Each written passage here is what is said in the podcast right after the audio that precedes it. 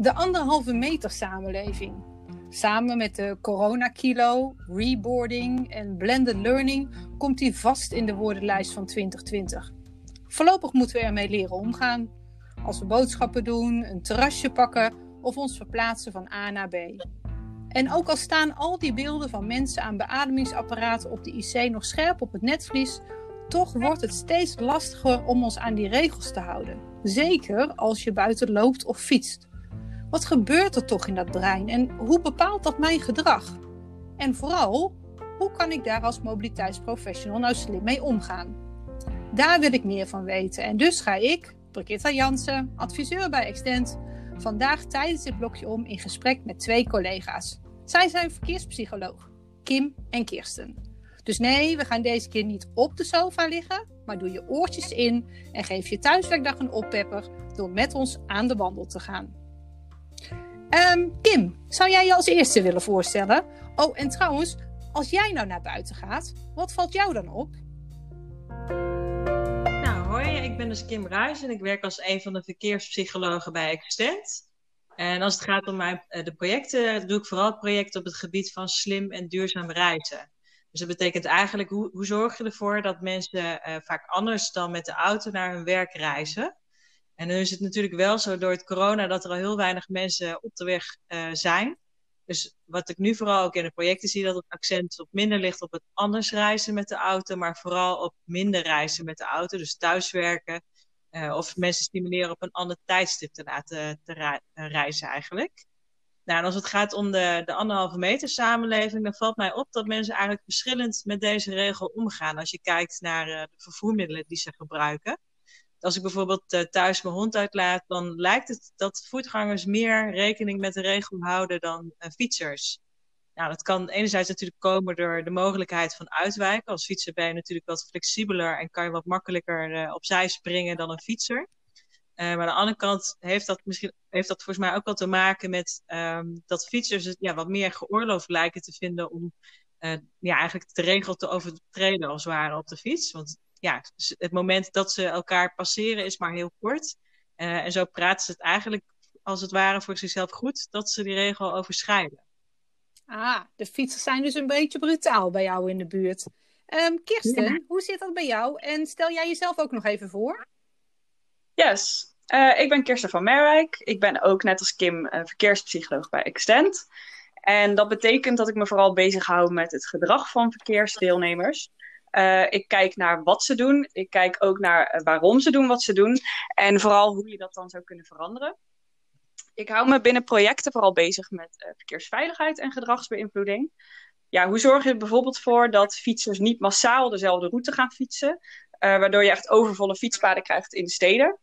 Um, ja, of hoe het komt dat een bepaalde weg nou eenmaal als heel onveilig voelt, terwijl er eigenlijk objectief gewoon niks gebeurt. En uh, wat voor maatregelen je daar zou kunnen treffen om het beter te maken.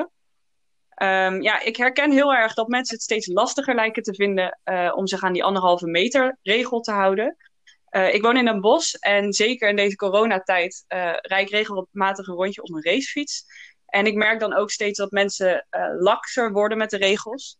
En gewoon naast elkaar blijven fietsen bijvoorbeeld, als ze zien dat ik eraan kom. Uh, en heel weinig ruimte bieden aan uh, de andere fietsers en voetgangers. En wat Kim ook al zei, uh, ik merk ook ja, dat het gewoon gevoelsmatig ook heel raar is. Dat je voor die paar seconden dat je elkaar passeert, dat je dan helemaal achter elkaar moet gaan fietsen. ja, dus ik snap ergens ook wel dat het voor mensen steeds lastiger wordt. Goed, bij jullie dus vooral veel brutale fietsers. Nou woon ik een stukje verderop naar het westen in Gorkum. En daar hebben ze bijvoorbeeld sinds een paar weken eenrichtingsverkeer voor voetgangers ingesteld. En dan is het eigenlijk de bedoeling dat iedereen aan de rechterkant op het trottoir of in de straat loopt. Maar steeds vaker heb ik het gevoel dat ik in Engeland ben. Want bijna iedereen loopt gewoon aan de linkerkant en kriskras over de weg. Dus ja, dat je houden aan de regels. Ik zie het ook steeds minder uh, gebeuren.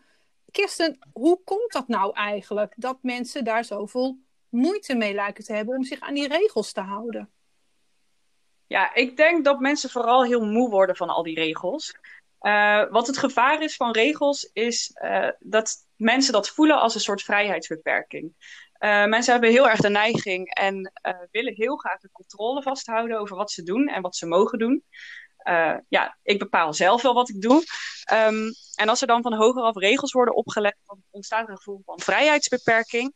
En mensen krijgen daar gewoon weerstand tegen. Dus die gaan daar eigenlijk harder tegen in dan dat je zou willen. En daarnaast hebben we ook van nature de neiging om te denken: ja, maar dat overkomt me niet. Um, dat hoor je voornamelijk bij kinderen, maar daar hebben wij ook nog wel eens last van. en dat noemen we in de psychologie de optimisme bias. En dat betekent eigenlijk dat we onszelf vaak gemiddeld beter inschatten dan anderen. En ook succesvoller inschatten dan anderen. En uh, daarmee ook onderschatten wat het risico is dat we lopen. En daardoor kunnen sommige regels ook wel als overdreven voelen. Uh, want ja, je schat het risico gewoon lager in dan het daadwerkelijk is. ja, dus dan is het ook soms misschien wel logisch dat we die anderhalve meter met een korreltje zout nemen. Um, nou klinkt dat allemaal heel negatief. en dan zou je afvragen, ja, waarom zijn we nou zo? Maar eigenlijk is het een heel functioneel mechanisme. want als we dat niet hadden, dan zouden we constant in totale angst leven. En zouden we ons ook heel slecht voelen over onszelf. Dus je kunt het ook wel zien als een soort geruststellend mechanisme. Oké, dus aan de ene kant zijn we de regels een beetje moe en voelen we ons een beetje als een kleine Calimero in een hokje gedrukt. En aan de andere kant zijn we soms ook weer juist de superheld die denkt dat hij alles aan kan. Kim, hoe zie jij dat? Ja, ik denk uh, aansluitend op uh, de risico-inschatting die Kirsten ook doen, en dat de ervaren pakkans ook uh, best wel een rol speelt bij het verslappen van het houden aan de regels in het algemeen. Want dan kan je natuurlijk een boete krijgen als je je aan de regel houdt. Ehm, maar de kans om daadwerkelijk een boete te krijgen, verwacht ik dat die al door een grote groep mensen als klein wordt ervaren. Als ik zo naar mezelf kijk en ik loop buiten, kom ik eigenlijk zelden een handhaver tegen. En ik heb eigenlijk ook van niemand in mijn omgeving verhalen gehoord dat zij iemand uh, zijn tegengekomen of dat ze iemand kennen überhaupt die een boete heeft gekregen. Nou ja, en, en dit beeld kan dus eigenlijk ook toe leiden dat mensen een lage pakkans ervaren en daardoor dus ook eigenlijk de regels wat meer durven te overtreden. Nou ja, hetzelfde geldt een beetje ook met de kans op het ziek worden, dus corona krijgen. Naarmate mensen vaker de regels overtreden en niet ziek worden, uh, zullen ze dus eigenlijk ook de risico's gaan onderschatten en uh, de regels uh, blijven overtreden. En daarnaast denk ik ook dat op sociaal vlak ja, eigenlijk onze oerdrift niet to belong een rol speelt. Dus dat is eigenlijk de sterke drang van mensen naar sociaal contact met anderen. Het vraagt nogal wat veel van mensen om, om deze behoefte te onderdrukken. En ik merk dat in mijn omgeving ook steeds vaker mensen met elkaar gaan afspreken. En dat begint dan vaak altijd met de, met de intentie van nou, netjes afstand houden. Maar als je dan toch ja, je vader of een moeder of ander, iemand anders die dicht bij je hart staat, uh, ja, die je lange tijd niet hebt gezien, dichtbij je komt, dan kan het toch wel gevoelsmatig last zijn om ze dan weer van je weg te sturen. Terwijl je eigenlijk zo dicht mogelijk bij je wil hebben. Dus eigenlijk wat jij zegt, Kim, is we willen um, de mensen heel graag uh, bij ons hebben, dat sociale contact aangaan aan de ene kant. En aan de andere kant denken we, nou, die BOA, die krijgt ons toch niet te pakken, dus we nemen dat risico dan wel. Um, wat ik dan denk is, eigenlijk zijn we nu nog aan het opstarten met z'n allen. Het is nog lang niet zo druk buiten op straat als dat het voorheen was. Hoe moet dat dan straks als het echt weer druk wordt, om het zo maar uh, te zeggen? Wat is dan de oplossing om te zorgen dat mensen die regels weer serieus gaan nemen? Ja, nou, als het gaat om de oplossing, dan lijkt me lastig om te geven. Uh, dat hangt natuurlijk veel ook af van de, van de omgeving. Dus hoe ziet de omgeving eruit? wie verplaatst zich überhaupt in de omgeving en gaat het om bewust of onbewust gedrag. Um, wat ik in ieder geval denk is dat handhaving wel noodzakelijk is. Uh, maar dat is, heeft aan de ene kant alleen voldoende effect als het echt structureel en op grote schaal plaatsvindt. En daarmee zorgen dat mensen ook dat risico dus uh, serieus gaan nemen. Dus eigenlijk hetgeen wat ik al eerder noemde. Uh, en aanvullend is het belangrijk om mensen te helpen om dat gewenste gedrag te vertonen op straat. Dus een belangrijk voorwaarde is daarbij dat mensen ook daadwerkelijk anderhalve meter ruimte hebben om die afstand te kunnen houden. Uh, en je kan mensen natuurlijk ook sturen uh, op straat. Dus markeringen gebruiken om looprichtingen aan te geven of fietsparkeervakken afplakken. Um, nou ja, en verder denk ik ook nog dat het goed is om mensen te blijven herinneren aan het gewenste gedrag. Dus eigenlijk de kracht van de herhaling. En dan vooral eigenlijk op plekken waar dat gedrag ook plaats dient te vinden, zodat ze ook juist op dat moment herinnerd worden aan het gewenste gedrag. Als je dan bijvoorbeeld denkt aan het feit dat je nu een mondkapje moet dragen in de trein, zou je bijvoorbeeld uh, op de displays op het perron een herinnering kunnen plaatsen. Of misschien het zou het ook heel handig zijn dat als je de trein instapt, uh, dat je op dat moment ook een, een pop-up op je telefoon krijgt met een herinnering van vergeet niet om je mondkapje uh, op te doen. Dus eigenlijk op dat juiste moment dan dus mensen helpen herinneren aan het gewenste gedrag. Nou, wel fijn dat jij hier ook een positieve draai aan geeft. Want in het begin van deze periode viel mij echt op dat er heel veel dingen in de buitenruimte kwamen. die lieten zien wat er allemaal niet mocht. En als ik dan even de parallel naar mijn twee kinderen trek tegen hen zeggen wat ze niet mogen doen, dat is bijna een uitnodiging om het dan juist wel te gaan doen. Dus ik vind het wel heel fijn om uh, ook van jou te horen en ook zo al wandelend buiten te zien, dat daarin ook steeds meer de nadruk wordt gelegd op wat allemaal wel mogelijk uh, is. Um, maar als ik jou zo tussen de regels door goed beluister, proef ik ook wel iets van ja. Elke situatie is weer anders. Je hebt steeds een, een specifieke, een gerichte aanpak uh, nodig dat lijkt me dan ook wel weer heel ingewikkeld. Kirsten, hoe werkt dat, zo'n gerichte aanpak? Ja, een gerichte aanpak is heel belangrijk. Um, en wat je soms ziet gebeuren is dat een succesvolle maatregel op de ene plek als het ware wordt gekopieerd en uh, wordt geplakt op een andere plek. Nou, en dat klinkt ook heel logisch, want als uh, de maatregel op die ene plek heel succesvol is, dan zal die dat op de andere plek ook wel zijn. Um, maar een effectieve aanpak vraagt echt om maatwerk. Want de ene situatie is de andere situatie niet. En waar in de ene situatie de doelgroep bijvoorbeeld uh, jongeren zijn, zou dat op een andere uh, situatie juist meer ouderen kunnen zijn. Nou, dus niet alleen de doelgroep kan verschillen, maar ook de infrastructuur is nooit één op één hetzelfde. En daarom is het belangrijk om de aanpak echt op die specifieke situatie uh, te richten. Nou, en hoe doe je dat dan? Um, ja, het is belangrijk om uh, een maatregel te laten aansluiten bij de onderliggende motieven en weerstanden van mensen. Dus als het ware uh, te laten aansluiten bij wat er ten grondslag ligt aan het gedrag. Nou, en daarvoor is het belangrijk om ook echt inzicht te krijgen in dat gedrag en in die motieven en weerstanden. En dat kun je bijvoorbeeld doen door uh, te gaan schouwen of te observeren op die specifieke locatie waar je een maatregel wil plaatsen.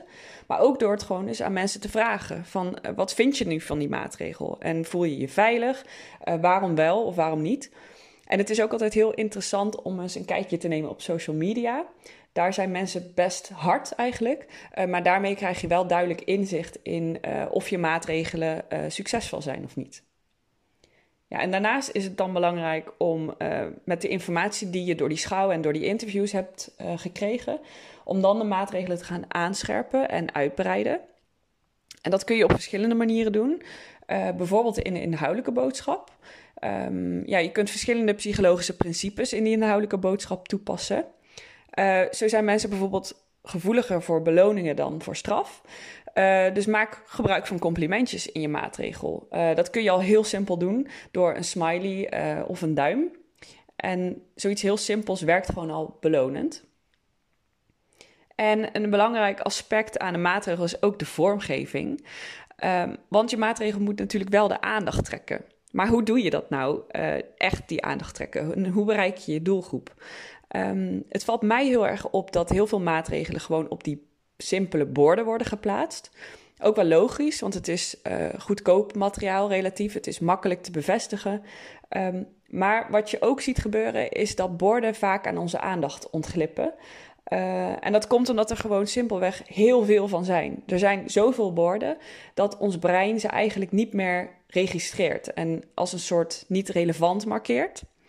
Uh, en daardoor hebben we een soort bordenblindheid ontwikkeld. Um, ja, dus wat ik eigenlijk dan eerder zou doen, is uh, eens kijken naar wat voor maatregel uh, manieren er nog meer zijn. Dus bijvoorbeeld uh, stickers op het asfalt, die vallen eigenlijk veel meer op dan een simpel bord. ja, of krijtverf bijvoorbeeld. Je ziet ook als mensen er overheen rijden of lopen, um, ja, dat dat ineens veel meer opvalt als dat het aan de zijkant van de weg staat. Nou, wat je ook kunt doen is slim gebruik maken van associaties die ons brein snel maakt. Zo associëren we groen bijvoorbeeld met iets positiefs uh, en een haas met snelheid. En wat je daarmee doet, is dat je de maatregel heel simpel maakt eigenlijk. En mensen begrijpen dan zo'n maatregel veel sneller als je gebruik maakt van die associaties. Um, nou, het is daar wel daarbij wel handig om te bedenken uh, dat als je de maatregel bijvoorbeeld in het buitenland wil ontwikkelen, dat het dan anders kan zijn. Want uh, associaties zijn cultuurgebonden. Uh, dus denk daar eventjes goed over na voordat je net de verkeerde associatie legt. Nou, wat ook belangrijk is om te zorgen dat de maatregel duidelijk een doelgroep aanspreekt. Dus staat er een bord voor fietsers of wil je juist voetgangers aanspreken? En je kunt daarbij ook goed gebruik maken van symbolen. En het laatste en misschien wel het belangrijkste is ook om de maatregelen af en toe te vernieuwen. je hoeft niet helemaal een nieuwe aanpak te gaan verzinnen. Um, maar als een maatregel er erg lang ligt, dan heb je de kans dat mensen het op een gegeven moment uh, niet meer opvalt. Ze raken eraan gewend en ze zien die maatregel niet meer. Uh, en door maatregelen af en toe te vernieuwen, bijvoorbeeld door de kleur van een sticker of dan toch een bord te vervangen, uh, blijf je de aandacht van voorbijgangers vasthouden. en blijven ze dus ook de maatregel zien. Nou, Kirsten, dat is een hele stortvloed aan informatie. Um, ik, ik onthoud vooral um, geen copy-paste, niet knippen plakken.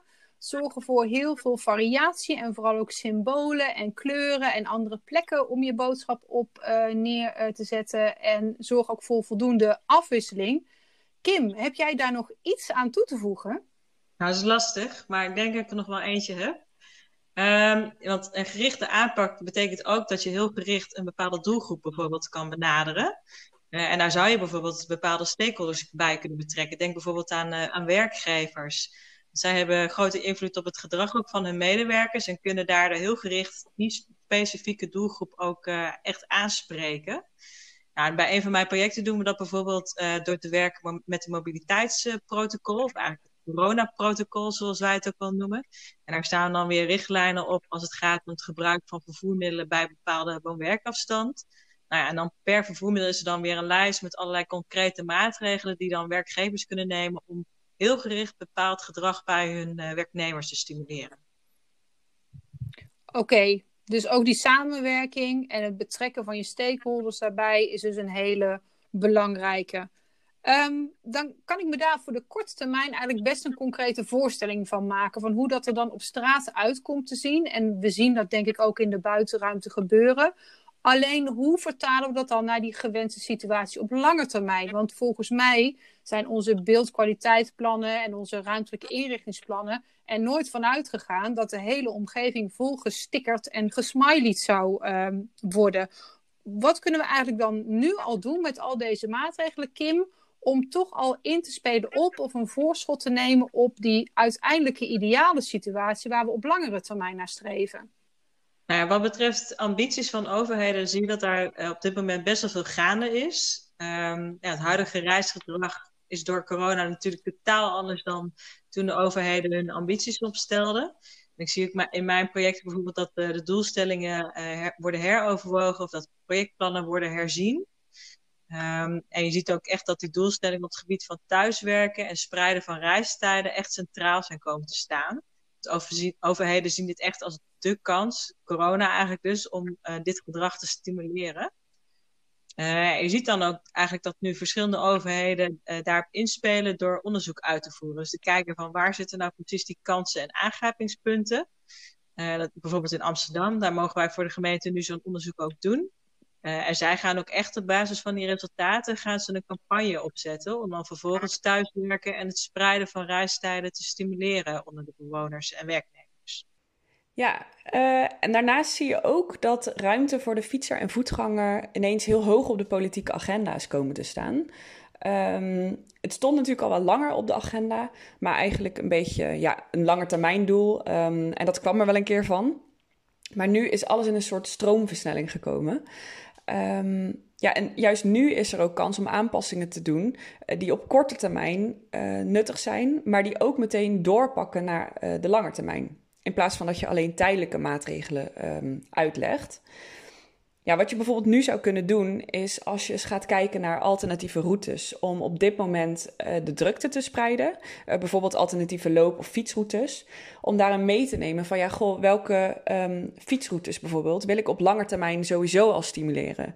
En welke looproutes wil ik misschien op lange termijn ook aantrekkelijk maken en zijn ook kansrijk voor de lange termijn. Uh, zodat je ook kijkt naar hoe nu de drukte kan worden verspreid, maar hoe dat ook in de toekomst houdbaar is eigenlijk. Nou, je kunt ook eens onderzoeken uh, of en hoe het dan mogelijk is om minder objecten in de buitenruimte te plaatsen. Dus denk bijvoorbeeld aan het stimuleren van uh, parkeren op opritten, als die er zijn. Ja, of het plaatsen of verminderen van geparkeerde fietsen op de stoep. En uh, ja, zijn er misschien wegen die mogelijk kunnen worden aangepast, zodat meer ruimte uh, ontstaat voor de fietser en voetganger? En ja, waar biedt bijvoorbeeld eenrichtingsverkeer nu en in de toekomst uh, een oplossing? Ja, dat zou inderdaad wel heel tof zijn, Kirsten. Als we vanuit dat huidige pakket aan noodmaatregelen nu echt duurzaam kunnen gaan bijdragen aan het realiseren van die doelstellingen, waar we eigenlijk met z'n allen al jarenlang onze beleidsplannen mee uh, vullen. Het lijkt inderdaad wel alsof daar nu echt het moment voor is. En jij noemde bijvoorbeeld de fiets ook al even. Nou, daar praat ik binnenkort dus bijvoorbeeld met een andere collega, met Jolanda Smit, over door, over hoe je dat nou specifiek voor de fiets zou kunnen doen. Um, ik denk dat onze luisteraars inmiddels alweer bijna terug zijn bij hun thuiswerkplek, bij dit uh, blokje om.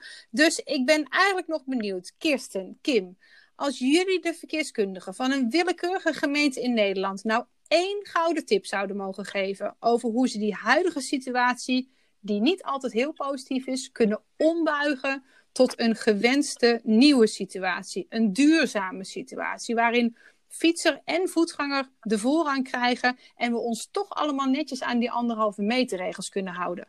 Wat is deze gouden tip dan? Kirsten? Ja, ik denk als ik echt één gouden tip mag noemen, um, dat dat is letterlijk meer ruimte voor de fietser en de voetganger. Uh, ik denk dat infrastructuur toch echt wel de basis is voor verkeersgedrag. En als de infrastructuur op orde is, dan is het voor weggebruikers ook gewoon makkelijker om het gewenste gedrag te betonen. Uh, ja, dus zorg er in ieder geval voor dat de straten worden ingericht als fietsstraten bijvoorbeeld. Uh, maar faciliteren ook genoeg loopruimte voor de voetganger. En ja, denk er ook eventjes over na of die stadsbus nou echt door dat smalle straatje moet manoeuvreren. Of dat hij misschien net een andere route kan pakken. Ja, en ik sluit me aan bij Kirsten. Ik denk dat uh, voldoende ruimte uh, de randvoorwaarde is om je aan de anderhalve meter regel te kunnen houden. Daarnaast zou ik ook vooral aanraden om alle maatregelen die nu al op straat zijn uitgerold, om die vooral ook goed te blijven monitoren. Uh, zodat ook de effectiviteit daarvan juist vergroot kan worden. Het is veel moeilijker om iets helemaal opnieuw te bedenken dan iets aan te scherpen. Ah, en dan spreekt het volgens mij voor zich dat als luisteraars nu denken: hey, ik wil daar meer van weten. Hoe zit dat dan met die ruimte in die infra? Hoe ga ik dan om met dat brein van die fietsers en die voetgangers en het gedrag dat ze vertonen in die buitenruimte? En hoe kan ik daar als mobiliteitsprofessional nu optimaal op inspelen? Niet alleen voor nu, maar ook voor later. Dat ze natuurlijk eventjes contact met jullie uh, moeten opnemen. Ik uh, wil je bedanken voor het luisteren. Wat gezellig dat je een blokje omliep vandaag met Kim en met Kirsten. Ik bedank ook um, Robin en Kai voor de voorbereiding van deze podcast en Sjors achter de schermen voor alle techniek. Binnenkort komen er weer nieuwe podcasts, onder andere eentje over de fiets. Check onze social media kanalen om als eerste op de hoogte te zijn wanneer een nieuwe podcast weer online staat. En heb je vragen, tips of suggesties voor andere onderwerpen? Mail dan naar podcast.extend.nl. Tot zover je blokje om voor vandaag. Heel graag tot een volgende keer.